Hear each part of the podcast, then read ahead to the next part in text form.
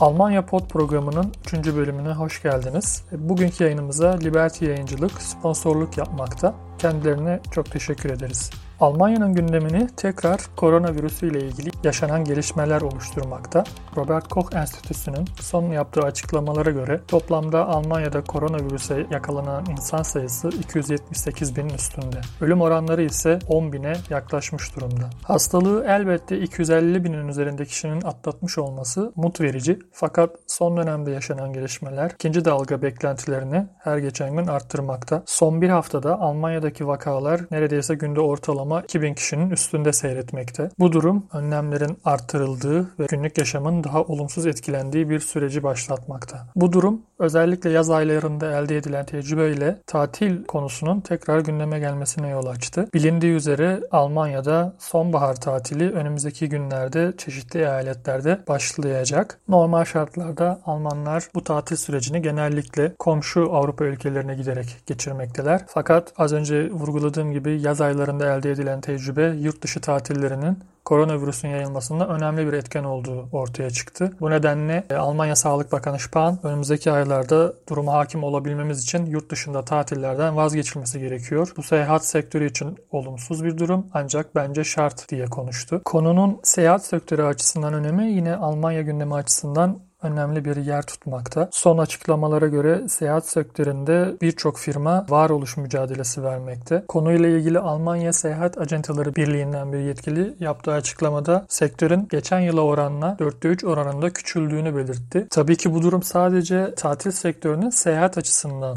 durumu. Tatil sektörünün turizmin canlı olduğu şehirler açısından çok büyük bir önemi olduğu bilinmekte. Birçok tatil şehrinde restoranlar, oteller, müzeler, birçok yer turizmden kaynağını sağlamakta. Örneğin yine korona ile ilgili olarak dünyaca ünlü Frankfurt Fuarı 2021 Mart ayına kadar bütün etkinliklerin, bütün fuarların iptal olduğunu açıkladı. Bu durumun taksi sektöründen gastronomiye, otel sektöründen birçok alana önemli bir etkisi olacağı düşünülmekte. Fakat Almanya tabii ki Güney Avrupa ülkeleri gibi bir İspanya, bir İtalya veya Fransa gibi turizmle çok bağlı bir ülke değil. Bu ülkelerin korona dolayısıyla ekonomilerinde büyük küçülmeler yaşanacağı tahmin edilmekte. Hatta beklentilere göre bu ülkeler %10'un üzerinde küçülmeler yaşayacak. Almanya açısından ise bu durum diğer ülkeler kadar kötü değil. Almanya bilindiği üzere son yıllarda her zaman cari fazlalık veren bir ülkeydi. Elbette bir küçülme yaşanacağı tahmin edilmekte. Fakat bu oranın kesin kesinlikle %10'un üzerinde olmayacağı belirtiliyor. Elbette tüm bunlar e, tahminlerden ibaret. Çünkü hastalığın ani bir şekilde yayılma ihtimali her ülke için mevcut. Dolayısıyla ekonomilerinin bir anda çok büyük olumsuz gelişmeler yaşayacağı tahmin edilmekte. Bakıldığında bugün itibariyle Almanya Dışişleri Bakanı karantinaya girmek zorunda kaldı. Birçok bakanın daha söylentilere göre karantina altına girmesi beklenmekte. Bu durum gösteriyor ki devletin işleyişine de olumsuz yansımalar vakalar gerçekleşebilir. Bu anlamda uzmanların belirttiğine göre hastalık henüz zirve yapmış durumda hala değil. Bu nedenle hastalığın ani bir yayılması durumunda Almanya ekonomisinin de diğer ülkeler gibi ağır darbeler alması mümkün. Koronavirüsünün Almanya'da son dönemde hızla yayılmasıyla ilgili ilginç bir gelişme de Almanya'nın Ham şehrinde yaşandı. Konu Almanya'da yaşayan Türkleri ilgilendirmekte. Çünkü Ham şehri 180 bin nüfuslu bir şehir fakat kentte koronavirüs vakaları inanılmaz artmış durumda. Bunun sebebi olarak ise bu şehirde son dönemde gerçekleşen iki kına gecesi ve iki düğünün olduğu düşünülmekte. Kentte şu ana kadar tam 2500 kişi karantina altına girmiş durumda. Resmi olarak ise yaklaşık 200 kişi virüsü kapmış durumda. Yapılan açıklamaya göre son vakaların 150'sinin ay başında kentte yapılan kına gecesi ve akabinde büyük düğün ile bağlantılı olduğu e, belirtildi. Düğünle bağlantılı olarak 300 kişinin de karantina altında olduğu bildirildi. Han Belediyesi Doğu Çevre Türkçe'ye verdiği mülakatta yapılan düğün ve kına etkinliklerinde kuralların ihlal edilip edilmediğinin araştırıldığını belirtti. Tabii bu durum hem yerel hem de ulusal basını bir hayli meşgul etmekte. Çünkü bazı gazetelerin manşetleri ve sosyal medyada konunun ele alınış biçimi oldukça ırkçı söylemlerin yer aldığını göstermekte. Bazı gazeteler başlıklarında Türk düğünü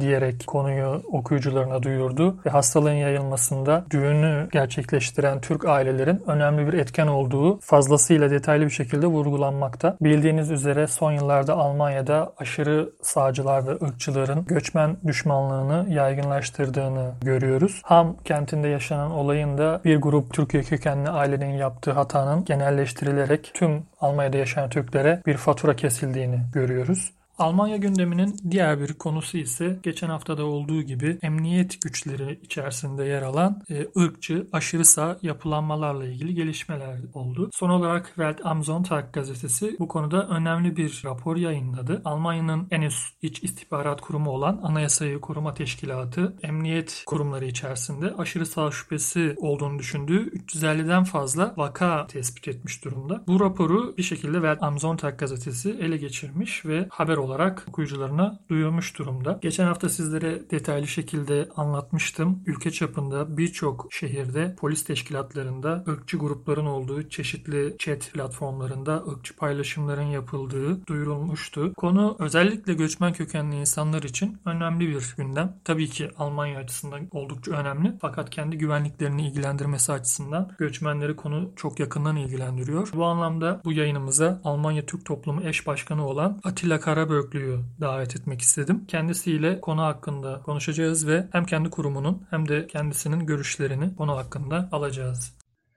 Atilla abi hoş geldin yayınımıza. Hoş bulduk Esat. Nasılsın öncelikle? Teşekkürler sağ ol. Sen nasılsın iyi misin? Sağ ol ben de iyiyim. Programımız devam ediyor. Teşekkürler öncelikle tekrar kabul ettiğin için, yayına geldiğin için. Ben severim tabii. Şimdi seninle konuşmak istediğimiz konu tabii Almanya Türk toplumunun da gündeminde. Ayrıca senin de konuyla yakından ilgilendiğini biliyorum. Almanya'da son aylarda bildiğin üzere güvenlik teşkilatları içinde aşırı sağ vakalarda birçok haber ortaya çıktı. Özellikle çeşitli chat grupları, WhatsApp gruplarında aşırı sağcı, ırkçı içerikler paylaşıldı. Bununla ilgili birçok haber ortaya çıktı. Tabii güvenlik kurumlarında aşırı sağ araştırılması, yapılması talep edilmekte. Bununla ilgili hem göçmen kurumlarından hem de çeşitli siyasi partilerden talep var. Fakat bilindiği üzere İçişleri Bakanı Seehofer bu talebi reddediyor. Böyle bir araştırmanın yapılmasına gerek olmadığını belirtiyor. Sen nasıl görüyorsun bu durumu? Güvenlik kurumlarında aşırı sağ şüphesi sence var mı? Nedir bu konuda görüşlerin?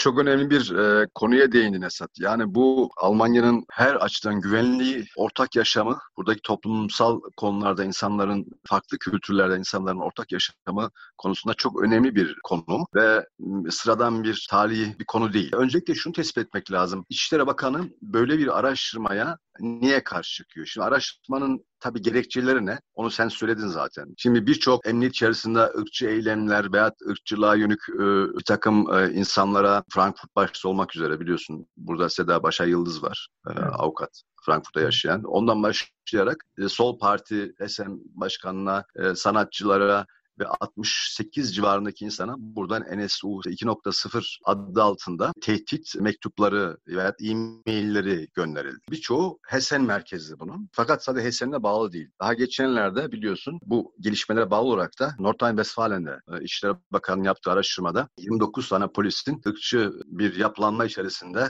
e, çalıştıkları ortaya çıkartıldı. WhatsApp grubu evet. üzerinden. Hı hı. Şimdi bu aslında Almanya için bu utanç kaynağı. Yani hukuk devleti, demokrasi, demokrasinin e, çok güçlü olduğu bir sistemde e, aşırı ırkçı grupların emniyet teşkilatı ve hatta güvenlik birimleri içerisinde yuvalanması e, ve tehditler açık şekilde tehdit ve gizli şekilde de belki operasyonlar yapmaları e, bir hukuk devleti içerisinde, demokratik ortam içerisinde kabul edilecek bir olay değil. Yani çok korkunç bir olay bu. Bunu önce altını çizmek gerekiyor. Geçenlerde daha biliyorsun Bayan'da yani 26'sında iki gün önce bundan 1980'de Almanya tarihinde çok önemli bir terör saldırısı gerçekleştiriliyor. Ve burada 20'ye yakın insan ölüyor. 200'ün üzerinde yaralı var. Ve bunu yapanlar ırkçı bir gruptan e, olan insanlar.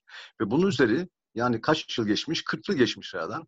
Evet. Üstü örtülmüş bu terör saldırılarının üstü bizzat örtülmüş ve devlet e, kendi güvenliği açısından demiş ki o zamanlar biz devletin güvenliği açısından bu konuyla ilgili araştırmaları kapatıyoruz. Dedi. Bakın yani 40 yıl önceki bir hadiseden bahsediyoruz ve sonra biliyorsun ve bil, hepimizin bildiği gibi NSU cinayetleri 10 yıl sürdü. Ya bu NSU cinayetleri de aynı şekilde önce döner cinayetleri olarak lanse edildi. Daha sonra çıktı ki ortaya tesadüfen çıktı bu da. Polisin öldürülmesiyle yani e, çıkıyor ortaya o da. Arkasında ırkçı bir çete var. Şimdi bu ırkçı çetenin veya ırkçı terör örgütünün bağlantıları Almanya iç istihbaratına uzanıyor. Yani ve güvenlik birimlerine uzanıyor. Ve bunun da üzeri kapatıldı. Yani aynı zamanda Hesen'de ki önce 138 ile yakın bir devletin güvenliği güvenlik gerekçesiyle e, gösterilerek üzeri e, örtüldü ve bilgiler karartıldı. Daha sonra tabii baskılar artınca bu aşağı yukarı şu anda 38 yıla düştü zannediyorum. Hı hı. Ee, yani 38 yıl bununla ilgili devlet içerisindeki yazışmalar, gizli yazışmalar dışarıyla verilemiyor. Şimdi e, ona yakın insan öldürülüyor hı. ama insanların burada öldürülen, katledilen insanların bir terör örgütü tarafından katledilen insanların e, hayat gerekçeleri alınmıyor ciddiye. Onların yakınlarının mağduriyetleri e, ön plana alınmıyor. Ve devletin güvenliği ön plana alıyor. Bunu anlamak tabii normal bir akılla anlamak mümkün değil. Ama şunu gösteriyor bu olaylar. Yani 40-50 yıldan beri Almanya'da devlet içerisindeki bir takım mekanizmalarla işbirliği içerisinde olan ve hala aktif bir şekilde ırkçı bir yapılanma var. Bugünkü senin sorduğun soru çerçevesinde Zeyhofer niçin bunun üzerine gidilmesini engelle, engelliyor? Bir araştırma yapılmasını enge, e, engellemek istiyor. Bu da bununla bağlantılı olduğunu bilmekte ben bilmekte fayda olduğunu düşünüyorum. Hı hı. Demek ki ortada gizlenecek bir takım yapılar var ve bunlar açığa çıkartılmak istenmiyor. Peki. Şimdi şöyle konuyla ilgili tabii konunun iki boyutu var. Bir bahsettiğin gibi böyle büyük çetelerin var olma ihtimali polis polis veya güvenlik teşkilatları içerisinde. Bir de günlük hayatı etkileyen racial profiling denilen hani vatandaşların etnik kökenine göre polisçe kontrol edilmesi gibi birçok vakanın yaşandığı günlük yaşamı etkileyen gelişmeler var. Polisin göçmenlere karşı tutumunun trafikte olsun her alanda gösterilerde göçmenlere karşı tutumları da eleştiriliyor. Konular da tabii bu polis içerisinde yapılması düşünülen çalışmayı kapsayan bir şey. Bu konuda görüşlerin nedir? Günlük yaşam açısından da böyle bir talep sence geçerli mi? Birbiriyle aslında bunlar ilintili şeyler. Yani bir, bir tanesi yani ben biraz önce bahsettiğimiz aslında çıkış gerekçesi nedir? Ne, niçin ihtiyaç duyuyor böyle bir araştırmaya? Yani niçin toplumsal e, kesimlerin özellikle sivil kanatları e, ve bir takım e, demokratik siyasi partiler güvenlik birimleri içerisinde ırkçılığa karşı bir araştırmanın yapılmasını öngörüyor? Bir ayağı bununla alakalı yani bahsettiğimiz o süreçle alakalı NSU, NSU 2.0 terör olayları, işte Oktoberfest'teki e, bayanda bahsettiğim olay, Enerve'de geçen hafta ortaya çıkartılan yine ırkçı yapılanmalar, chat grupları bir, bir ayağını oluşturuyor. İkinci bir önemli bir tabii bir olay, senin yine sorduğun çerçevede günlük hayatta birçok göçmen kökenli gençler, insanlar giyim tarzından dolayı, renginden dolayı, yani siyahi olmasından dolayı, saçlarının siyah olmasından dolayı, farklı bir giyim tarzına sahip olmasından dolayı yine emniyetin öngördüğü yani tehlikeli gruplar sıfatı çerçevesinde kategorik hale getirilmiş bunlar. Yani Hı. bahsettiğimiz şey nereden çıkıyor? O, olgu nereden çıkıyor? Diyor ki devlet, güvenlik birimleri ilk önce diyor yani şu tür insanlar şu giyim tarzına sahip, işte şu renge sahip, Asya kökenli, Afrika kökenli e, giyim tarzı e, kendini batı giyim tarzı çerçevesinde e, yaşamı sürdürmeyen kişiler birinci derecede güvenlik problemi olabilir diye bir kategori koymuş orada. Bu kategoriye göre de insanlar normal hayatta, trafikte, işte e, çarşıda, pazarda, nerede olursa olsun veya evde, evinde, toplumsal alanlarda ciddi bir şekilde emniyet güçlerinin ilk etapta ön yargılı bu yaklaşımdan ötürü gözetim altına aldı. Yani bir suçlu olmasa, hiçbir yaptığı işte olmasa normal bir tarzda kontroller daha çok bu insanlar üzerine odaklanıyor. İşte bu aslında ırkçı bir yapılanmanın da bakış açısını da neticede güvenlik birimleri içerisindeki iz düşümünü ortaya koyuyor. Buna karşı bir tepki var ve haklı bir tepki de var. Çünkü insanları kategorik şekilde siz görünüşüyle ne yapıyorsunuz? Bu insan güvenilir veya bu insanlar güvenilir değil durumuna sokuyorsunuz. Yani tabii ki aynen. Konunun bir diğer önemli noktası da tabii polisin bu şekilde zan altında olması güvenlik güçlerinin. Bu da tabii çok sakıncalı bir durum. Polisi e, bildiğin üzere son dönemde gençler arasında yani bunu göçmenlerden geldiğini iddia etmek Bence çok net bir bilgi yok o konuda. Fakat bazı basın organlarında o şekilde haberler çıkıyor. Bir tepki de oluşuyor. Bazen sert tepkiler, bazen ağır gösteriler oluyor çatışmaların yaşandığı. Yani bu noktada polisin böyle zan altında bırakılması da tabii biraz da bizi üzüyor açıkçası. Çünkü emniyet teşkilatı içerisinde çok değerli insanlar da var. Bu konuda ne dersin? Ya çok değerli insanlar da var değil. Çoğunluğu değerli insanlar. Tabii yani, aynen. Tabii ki. Yani aynen. Bunu söylemek gerekir. Yani şimdi tabii ki bu yaklaşımlar bu siyasetin ve bakanlıkların, İçişleri Bakanlığı'nın, güvenlik birimlerinin özellikle kendi içerisindeki bir takım e, yapıları yani sorunlu yapıları açığa çıkartmaması, bakanlığın bunun üzerine gitmemesi, politikanın bunun üzerine gitmemesi yani belki büyük ezici çoğunlukla anayasaya bağlı, demokratik düzene inanan e, emniyet mensuplarında e, ciddi bir şekilde e, töhmet altına sokuyor. Yani baskı altına alıyor. Yani bu tabii kamplaşmayı da artırıyor. Evet. Çünkü güven kaybı, ciddi bir güven kaybı var toplumda. Yani polisin şahsında tüm emniyet birimleri, tüm güvenlik birimleri e, bir güvensiz hale getirilmiş durumda. Yani buradaki sorgulanması gereken politikanın veya devlet yöneten kesimin bunun üzerine gitmemesiyle alakalı. Artı şunu söyledin sen de yani birçok işte göçmen kökenli genç tepki gösteriyor değil. Yani şimdi şöyle düşünmek lazım. Demografik olarak düşünün şehirlerde, büyük şehirlerde Berlin, Frankfurt, Düsseldorf Düsseldorf, Köln, Stuttgart nerede olursa olsun büyük şehirlere zaten gençlerdeki yani gençlerdeki göçmen kökenlerin oranı yüzde 60 yüzde 70 civarında. Yani şimdi yüzde 70 civarındaki zaten popülasyonun yani genç popülasyonun göçmen kökenli olması dolayısıyla yani oradaki protestolarda da kendini gösterecektir. Yani gösteriyordu zaten. Yani katlan 10 kişi varsa protestolara e bunların %70'i yani biraz e, daha böyle e, şey verelim, sayı verelim. 10 kişi katılıyorsa yani 7'si göçmen kökenli, 3'ü Alman kökenli. Niçin? Çünkü zaten gerçek realite bu. Ortalama evet. bu. Ya aynen hani dikkat et, dikkat çekmek istediğim konu basına bu şekilde haberlerin çıkması veya konunun göçmenler üzerinden de kamuoyunda değerlendirilmesi e, yanlışlığına ben de hani dikkat çekmek istedim. Tabii doğru yani şimdi o ama kasıtlı yapılıyor. Yani evet. kasıtlı bir şekilde kamuoyu yönlendiriliyor.